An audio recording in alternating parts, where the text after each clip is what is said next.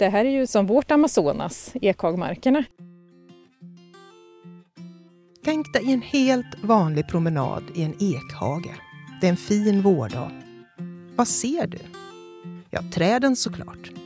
Vitsipporna som har börjat slå ut. Du kanske hör en fågel som du undrar vilken den kan vara. Du tar ett stort kliv över en gammal trädstam på marken. Det ser nästan lite ostädat ut. Vad gör den här? Naturligtvis är det så att vi alla hör och ser olika saker. Och visst är det så att om någon delar med sig av vad just han eller hon ser så berikas även din upplevelse. Trådarna och sambanden träder fram. Både de stora skeendena och de små, små detaljerna. Att få låna någon annans ögon i naturen, det ger oss en skarpare blick och en känsla av sammanhang. Har du någon gång åkt bil genom sydöstra Sverige så har du sett det som jag ser just nu. Ekhagmarker. Det är en ganska unik företeelse i Europa. Glimtar av ett historiskt landskap som i ett löst sammanhållet bälte knyter ihop sydöstra Sverige. Jag som pratar heter Anders Hovergård och har alltid fascinerats av de här landskapen. De känns pampiga, rika, luftiga som öar i barrskogsbältet. Idag är vi i en ekhagmark i Västerby lövskogar, naturreservat som ligger strax söder om Linköping. Den här podcasten kommer handla om den här unika miljön. Med hjälp av olika experter och specialister kommer vi upptäcka nya lager och perspektiv som ger oss nyfikna och lite lagom naturintresserade människor nya dimensioner av vår upplevelse. Du som lyssnar kommer kunna följa i våra spår här i Västerby och se exakt samma saker som vi gör. Podden produceras inom ett projekt som heter Life Bridging the Gap och är ett samarbete mellan flera länsstyrelser, kommuner och Naturvårdsverket. Idag har jag stämt träff med Frida Nilsson, biolog på just Länsstyrelsen i Östergötland. Hon är reservatsförvaltare och en av de som ser till att det här området sköts så att naturvärdena bevaras. Det kan vara ett bra sätt att börja på tänker jag så att vi får ett litet eh, helikopterperspektiv på varför och hur den här miljön ska vårdas. Men allra mest är jag riktigt nyfiken på vad Frida ser här som inte jag ser. Frida, ska vi gå in här i, i hagen? Det är någon grind här. Det gör vi. Man ska ju tänka på det när man går in i en hage så här att det kan ju finnas djur här inne eh, och då måste man ju visa dem respekt för det är ju deras hem som vi går och besöker. Det är alltså betesdjur här inne. Varför finns de här i ett naturreservat? Betesdjuren är ju egentligen de viktigaste naturvårdarna här inne. Det är ju därför det ser ut som det gör egentligen till, till mångt och mycket. Det är att de går här på sommaren och betar. Och vad är det för betesdjur? Just nu så är det får i den här hagen. Du, eh, kan inte du berätta lite grann om eh, ditt jobb? Vad är det du gör egentligen? Jag jobbar ju som förvaltare och då eh, ska man ju försöka sköta området så att naturvärdena här bevaras. Och en del är ju att se till så att där vi behöver ha betesdjur, att det finns betesdjur där. Eller så kan det vara att fixa till friluftsanordningar för besökare röja en stig eller se till att det finns grillplatser och så vidare. Det finns väldigt mycket man kan göra men min uppgift är ju ändå att det här området ska bevara och utveckla sina naturvärden. Så det är inte bara själva naturen som du tänker på utan det är också korna och det är besökarna. Så det är inte bara en ren konservatoriegrej som ni håller på med här? Nej, verkligen inte. Och skulle man ta sin hand ifrån det här området och, och låta det utvecklas fritt då skulle vi få en helt annan miljö. Och då skulle vi ju tappa Eh, mycket av de värdena som är kopplade just till att vi har till exempel betesdjur här. Kan du inte berätta lite grann om hur ni jobbar med den här typen av områden? Ibland kan man behöva hugga upp så att man skapar mer gläntor och ibland så kan man behöva skydda en del eh, buskar och sånt eller plantera träd eller så för att skapa mer variation om det är för öppet. Precis bakom dig så ligger det ju ner ett träd här. Det ser ju nästan lite skräpigt ut tycker jag. Och det där är ju vilka glasögon man har på sig. Och jag som har haft biologglasögon på mig i många år så tycker jag ju att det här är ju jättehäftigt, det här trädet. Det är ju en lind då som har flera stammar och det är en rotvälta. Men trädet sitter ju fortfarande ihop med roten. Det har ju inte dött för att det har vält. Även om det bara är säg 10% av rötterna som är i backen så skjuter det ju upp en massa skott som nu är som små träd. Det är som en liten skog som skjuter upp från den översta stammen. Men det finns ganska mycket död ved här också? Mm, det är ju en av stammarna där har ju brutits. Då ser man att barken börjar lossna och det är sådär torrt och det är lite sprickor. Så, så den delen är det ju inget liv i. Men det är ju massa organismer som bor i den här och nyttjar den här döda veden som vi säger. Så den får vara kvar? Den får verkligen vara kvar. Den biologiska mångfalden som vi har idag, den är ju frukten av evolution sedan tusentals år tillbaka. Och då får man ju fundera på hur har, skapades det då? Hur var landskapet då? Och då hade vi ju inte något intensivt eh, jord och skogsbruk utan då var det ju väldigt mycket som var skogbevuxet. Och det var ju ingen som kom och städade upp en, ett träd som hade ramlat. Så det fick ju ligga. Och då så är ju ändå naturen har ju arter som har skapat sig nischer ifrån de förutsättningar som har funnits runt omkring. Sen har vi börjat att använda vår miljö på ett annat sätt och mer rationellt och tagit ut mycket av den döda veden och då helt plötsligt så är det en, ett bristsubstrat så att säga, en bristmiljö. Ja, jag förstår, så det, vår iver att städa och vara rationella och hålla rent och odla naturen påverkar den på ett negativt sätt när det gäller mångfald? Ja, men den gör ju faktiskt det. Om man tänker liksom med regnskogen så är det ju att det är så många arter beror ju på att det finns så många olika nischer och det här är ju som vårt Amazonas, ekhagmarkerna. Men du, vad är det som gör att det är så många arter som trivs just här? Vi har olika trädslag, vi har olika ålder på trädslag, vi har olika död ved som vi säger, både det ligger lågor på marken men tittar man upp i kronorna så ser man också att det är en del, dels kan det vara döda stående träd, det är hål i en del träd, vi har olika sorters buskar, det är skuggigt på något ställe, det är soligt på något annat, mer öppet, mer slutet, det är jättevarierat. Du, eh, precis intill här så står det ju något konstigt som en stor fågelholk nästan. Vad är det för något? Ja, det kan man faktiskt undra. Telefonkiosk är någon som har nämnt Jaha. också. Och då för unga lyssnare så telefonkiosk ja. är ju någonting som fanns förr i tiden och som man ringde ifrån innan man hade mobiltelefon. Ja, men det är ju en, eh, som vi kallar en mulmholk vi försöker att efterlikna den miljön som blir i gamla ihåliga träd. Så det är som ett konstgjort träd? Ja, eh, och då är det ju egentligen bara innanmätet, det som är i trädet. Det är inte barken och grenarna och, och, den miljön utan bara det som är inne i trädet i ett hålträd. Och vad är det inne i ett hålträd? Inne i ett hålträd så är det just det vi kallar för mulm. När det blir en hålighet i ett träd så är det ju en, en ja, svampar som angriper veden för den är ju väldigt, väldigt hård och som mjukar upp det och, och, då bjuder den då in kan man säga andra arter som gnager på det här och äter upp det här, konsumerar den här veden. Och sen så kan ju det, fåglar hjälper ju till med att liksom bygga bon i hålen. Och då för ju de in en massa material. Så det kan ju vara gammalt gräs och löv och eh, ja, avföring och fågelfjädrar och sånt. Och det äter ju också de här skalbaggarna och andra djur på. Och det materialet som blir kvar då, det blir som eh, brunt eh, snus. Men du, varför, varför, bygger man en holk? Det här finns ju fullt med träd. Ja, det finns ju många träd, men det är få som är så pass gamla så de har hunnit få håligheter. Och det är ju också det där med, med mångfalden och variationen, att ett ungt träd, det finns inte så många nischer i det så att säga att utnyttja. Att barken är ofta ganska slät och det är inte så grova grenar och det finns ingen hålighet eller så. Men ju äldre trädet blir så händer det ju saker med det och då utvecklar den mer fler strukturer, bland annat just det här med håligheterna. Och att det är ju väldigt många arter som lever inne i träden och nyttjar den miljön. Du Frida, nu har vi gått ett tag. Vi stannar till lite grann här.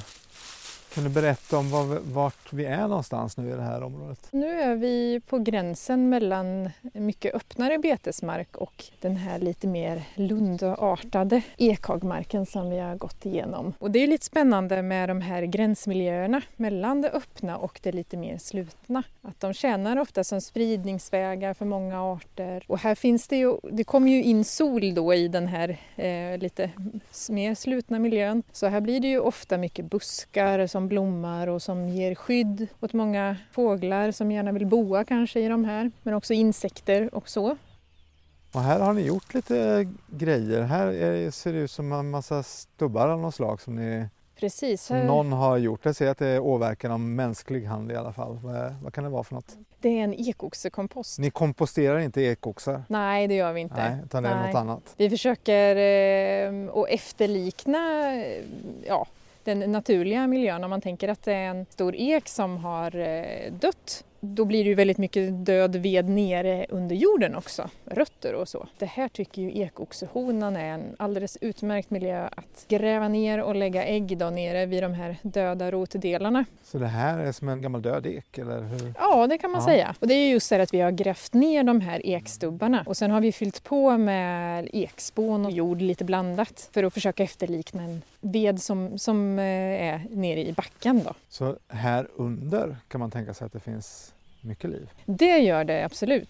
Och den här komposten står här i brynet. Det känns lite utsatt eller varför ligger den just här tror du? Ja, det är ju för att eh, det här är en liten slänt. Det ska liksom inte samlas vatten där under för då, då blir det simbassäng för larverna och det tycker de inte om. Utan det, de, det behöver vara lite dränerat så därför är det vid en slänt. Och sen vill de gärna ha solbelyst också och då är det ju perfekt här i brynet. Och sen så har vi också placerat den bakom de här, den här nyponbuskaget här. Och det är ju också en tanke med det. Dels att ge det här lite skydd, för det, när man tänker sig att det kommer upp en ekoxe, de är ju ganska stora ändå, de är ju flera centimeter. Och så tänker man att sitter en kråka på en gren och tänker tackar tackar för det proteinpillret. Eh, då är det ju bra om ekoxen kan liksom gömma sig någonstans så att den inte är helt exponerad och måste ta sig många meter. Så det här är som en all inclusive ekoxe-resort Ja, verkligen. Det finns plats för flera gäster också. för flera gäster. Ja, vi har gjort en ganska rejäl eh, stubbhög här. Umgänge, man Ja. kan träffa en partner. Ja, restaurang, Trevligt och sol Mm. och värme. sol och värme. Du, vad är det som händer här ute på, på fältet? Det är en, en del eh, stora burar som vi har eh, satt upp och sen har vi ju planterat hagmarksträd och buskar olika sorter. Vad kan det vara för något? Det kan vara olvon eller hagtorn eller kanske rosor som här. Men även ekar och ett och annat fågelbär eller getapel. Så det är ju just sådana arter som man ofta ja, men som man hittar i svenska ekhagmarker. Och just att vi har gjort det här är ju för att det är väldigt öppet. Det är ju jättestor skillnad på det området vi står i nu och det som är ut- det öppna här. Om man tänker sig att man är en liten fjäril och så ska man försöka ta sig här över när det blåser och det kanske är, ska vi säga att det är 100 meter över. Det är inte säkert att man ger sig ut på den eh, strapatsen. Det känns då, långt. Ja, det Ja. känns långt. Så då har vi ändå försökt här att om ett antal år då när, när det har växt upp träd och lite mer buskar som det vi har planterat att det, det, det blir inte de där långa avstånden. Vi bryter vinden, skapar lite mer vindskyddade områden och, och ännu mer mat då i form av pollen. Nu tänker jag som en fjäril att ni har lagt upp som lite rastplatser åt mig Ja. här på, längs med vägen. Tankningsstationer. Och sen har vi ju väldigt högt stängsel och det är ju för att det är väldigt mycket hjort här. Mhm. Så hade vi inte stängslat in det så hade vi nog inte haft så många planter kvar. Och sen är det klart att de, nu är det ju får som går här och då behöver man ju inte ha två meter högt stängsel. Men vi måste ju stängsla både för tamdjur och för vilda djur att de Mm. inte ska äta upp dem. Tills de kommer upp till en viss eh, storlek så att de faktiskt klarar sig själv, ungefär som den här rosbusken.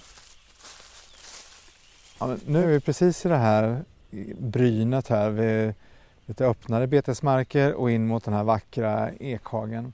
Och här växer det ju träd med grenar som liksom sträcker sig ut över betesmarken men bara åt ena hållet. Varför ser det ut så här? Ekar är ljusälskande och om de står för nära då, då liksom drar de in tassarna sådär. Då försöker de bara växa upp. De kan liksom inte konkurrera om, om eh, ljuset på det sättet. Och den här eken har ju då tidigare i sitt liv stått mer tätt. Man ser ju bakom trädet här att det är två gamla stubbar. Så de har ju stått här och skymt ljuset för den här eken på baksidan där det nu är där det inte är några grenar på baksidan. Det är bara, det är bara uppe, på, uppe i kronan som det är grenar hela varvet runt. Och sen är det de här grova eh, grenarna ut mot det öppna, ljusa, det som har varit öppet hela tiden under den här ekens livstid. Så då kan man se lite grann och läsa av landskapet hur det har sett ut förr också. Här har det varit mycket tätare och det är ju längre in vi går här nu desto mer fåglar hör vi.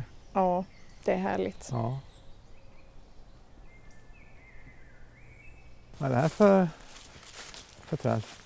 Det här är någon gammal apel. Det är ju vanligt att man springer på just i, ekhagmarker. Och de eh, blommar ju fint på våren och, och ger jättebra med pollen och nektar. Och sen kommer det ju frukter Mm. på hösten.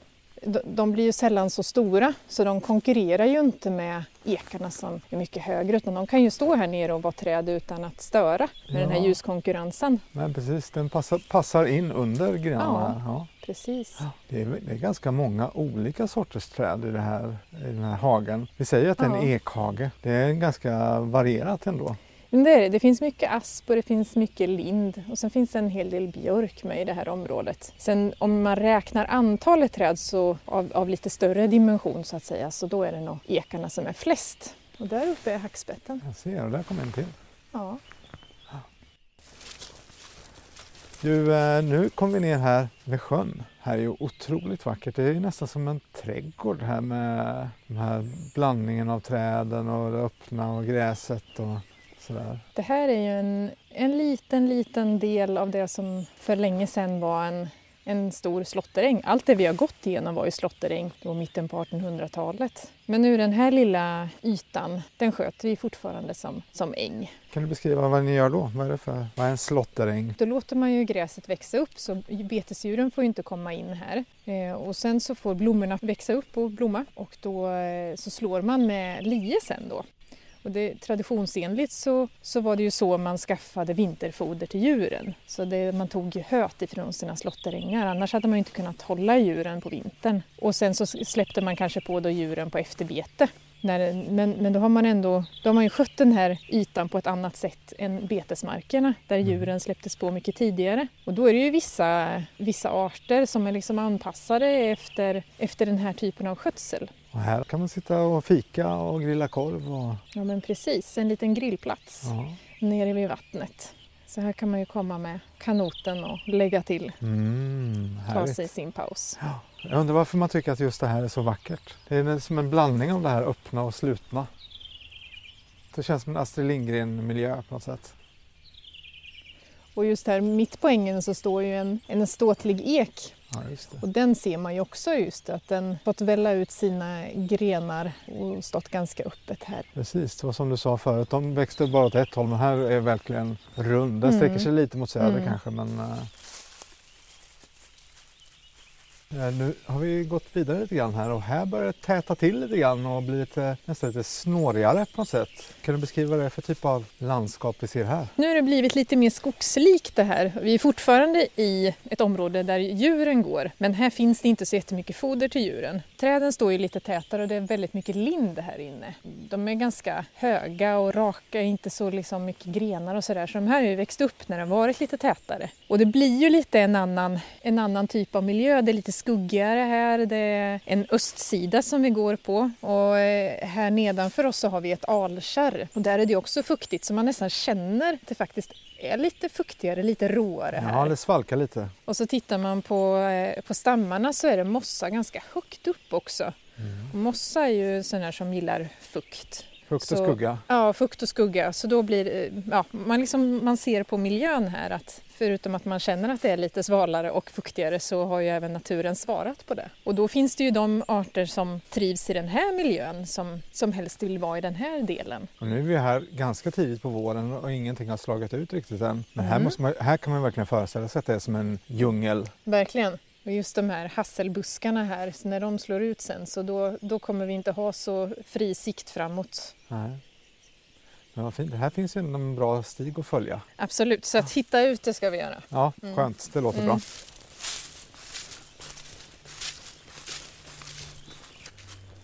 Det är ju ganska häftigt egentligen om man liksom tittar på de här lindarna som, som står här på, på blocket och man undrar Var får var, de näringen var ifrån? får de näring ifrån och hur tusan kan de sitta fast där? De växer i skugga och mörker och rakt på en klippa. Ja. Ja, det är fantastiskt. Mm. Var det tystnare?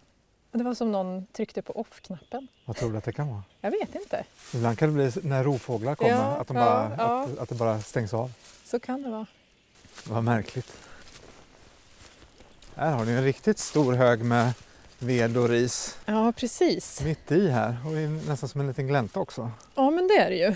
Och här är, är ju, det står två högstubbar som vi säger och då har man ju kapat stammarna på en ja, tre meters höjd eller något sånt. Då. Ja, Och sen har vi ju lagt kronorna i den där stora jättehögen där borta. okej. Och det här gör man ju för att de här högstubbarna som vi säger, de, de har ju sin miljö liksom som vissa arter gillar. Det blir liksom solbelyst och det blir torrt. Till skillnad från om du lägger ner en stam, då när det ligger direkt på backen då blir det mer fuktigt och multnar på ett annat sätt. Så det är ju olika hur den döda veden är liksom. Och det är olika arter som dras hit då? Ja men det är det ju. De stod ju framför de här ekarna här bakom och skuggade dem så att då ville vi ju skapa lite ljus åt dem här. Och man ser ju att de ekarna har ju döda grenar. Tuktats Ganska långt ner. häråt. Ja. Ja. precis. Det ser nästan lite trolskt ut med den där mossan som växer på döda grenarna där. Ja, laven ja. Ja, lav. det är klart det är lav. Precis. Ja, det är det. Mm. Men man ser ju också högre upp i kronan där att det är som unga skott som sticker ut ifrån, ifrån stammen och ifrån grenarna. Ser du det? Ja, precis. Häftigt. Och det är ju mycket svampar här som har angripit veden i högen så där ser man att det händer grejer. Liksom. Mm.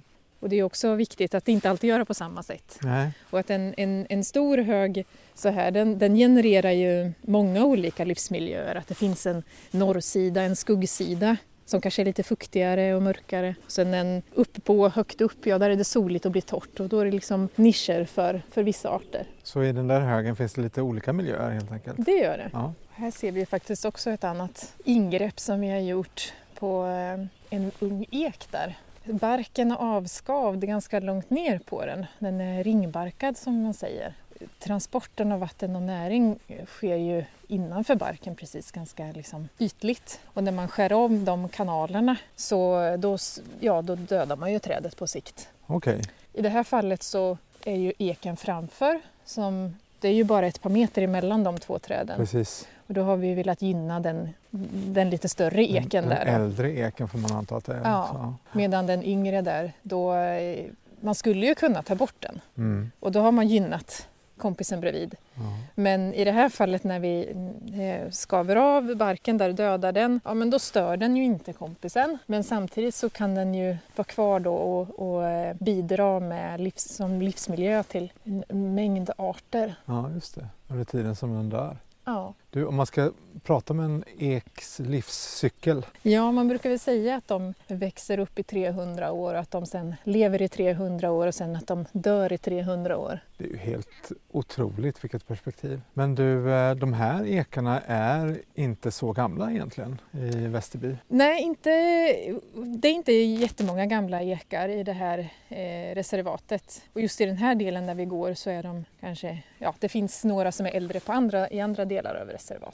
Och det är därför ni hjälper naturen på traven. Vi försöker hjälpa till med variationen Mm. och, eh, och sen så händer det ju saker i naturen hela tiden. Att det, det, det växer upp och eh, saker ramlar och dör och så. Nu är det här reservatet det är väl ungefär drygt 100 hektar. Ja, Det kan man ju tycka är mycket men det är ju inte ett område som liksom klarar sig självt egentligen. Vi pratar om grön infrastruktur egentligen. mm, just det. Arterna rör sig mellan, mellan områden, att de inte är isolerade från varandra. Och inne i reservatet så tänker vi lite på det här som när vi stod borta i, i brynet och tittade på, sa vi att det var en spridningsväg det här brynet, att det är många som rör sig i det. Så kan man ju lokalt så här inom reservatet jobba på att få, få bättre spridningsvägar och få områden att hänga ihop. Hur skulle du vilja jobba med spridningsvägarna här där vi, där vi står? Eller vad, vad är det du ser för spridningsvägar här? Ja, just här så är det ju det är den här ekhagmarken med, med buskar och eh, lite, lite sådär luckig miljö. Och det är ju en, för den, den här typen av arter så är det en ganska, ett bra habitat, en bra livsmiljö att röra sig i. Men däremot om man tittar längre fram här så det ser väldigt risigt och buskigt ut och så ser det ut att vara väldigt mycket yngre. Och där var det tidigare en gran plantering och en tallplantering. Och för organismer så kan det vara om man kommer fram till en, en vägg av gran eller tall. Ja men då, nej här, nu går inte, åker inte, flyger inte jag här igenom utan då stannar jag här. Eh, så, så ett sätt är ju att försöka liksom överbrygga för på andra sidan den här svackan då finns det en miljö som ser väldigt lik ut den här. Nu är ju granen borta och det är mycket hassel och så så att nu är nog den, nu kan man tänka sig att de arter som kan trivas här, eh, många kan våga sig igenom den här svackan Och sprida sig där och leva vidare. Och, Ja. ja. För mycket handlar ju att sprida risker egentligen just det där med, man vet inte, det kan vara en, en, en torrsommar och då så eh, blir det några populationer som, som dör för att de inte lyckas få mat eller vad det nu är som händer eller att alla träden i någon viss ålder råkar dö samtidigt av någon anledning och då, då behöver man ju få påfyllning från något annat område. Då kan det finnas några grannar här borta Några som, grannar som precis. kan tänka sig att flytta hit. Ja, Ja. ja. Men då måste man ju ha skyltat upp åt dem. Du Frida, vad tycker du att man ska ha med sig när man eh, går ut så här? Det viktigaste det är ju att vara närvarande. Vad menar du med närvarande? Ja, det är ju att stanna upp och, och ta in det som finns runt omkring. Lyssna på ljuden, lyssna på fåglarna. Du behöver inte kunna veta vilka fåglar men du kommer att kunna höra att det är olika fåglar. Och ta in doften. Hur luktar det här? Eh, dofta på mossan. Att liksom ta, ta in naturen, det tycker jag ger en, eh, en väldigt god känsla. Med fler sinnen än bara synen? Ja. Ja, vad ser du när du är ute i naturen? Nästa gång du är ute och får kliva över den där fallna trädstammen, är det då ett hinder på din väg? Eller ser du kanske ett femstjärnigt hotell med full beläggning? Ser du sammanhangen? Ser du dig själv och din egen roll?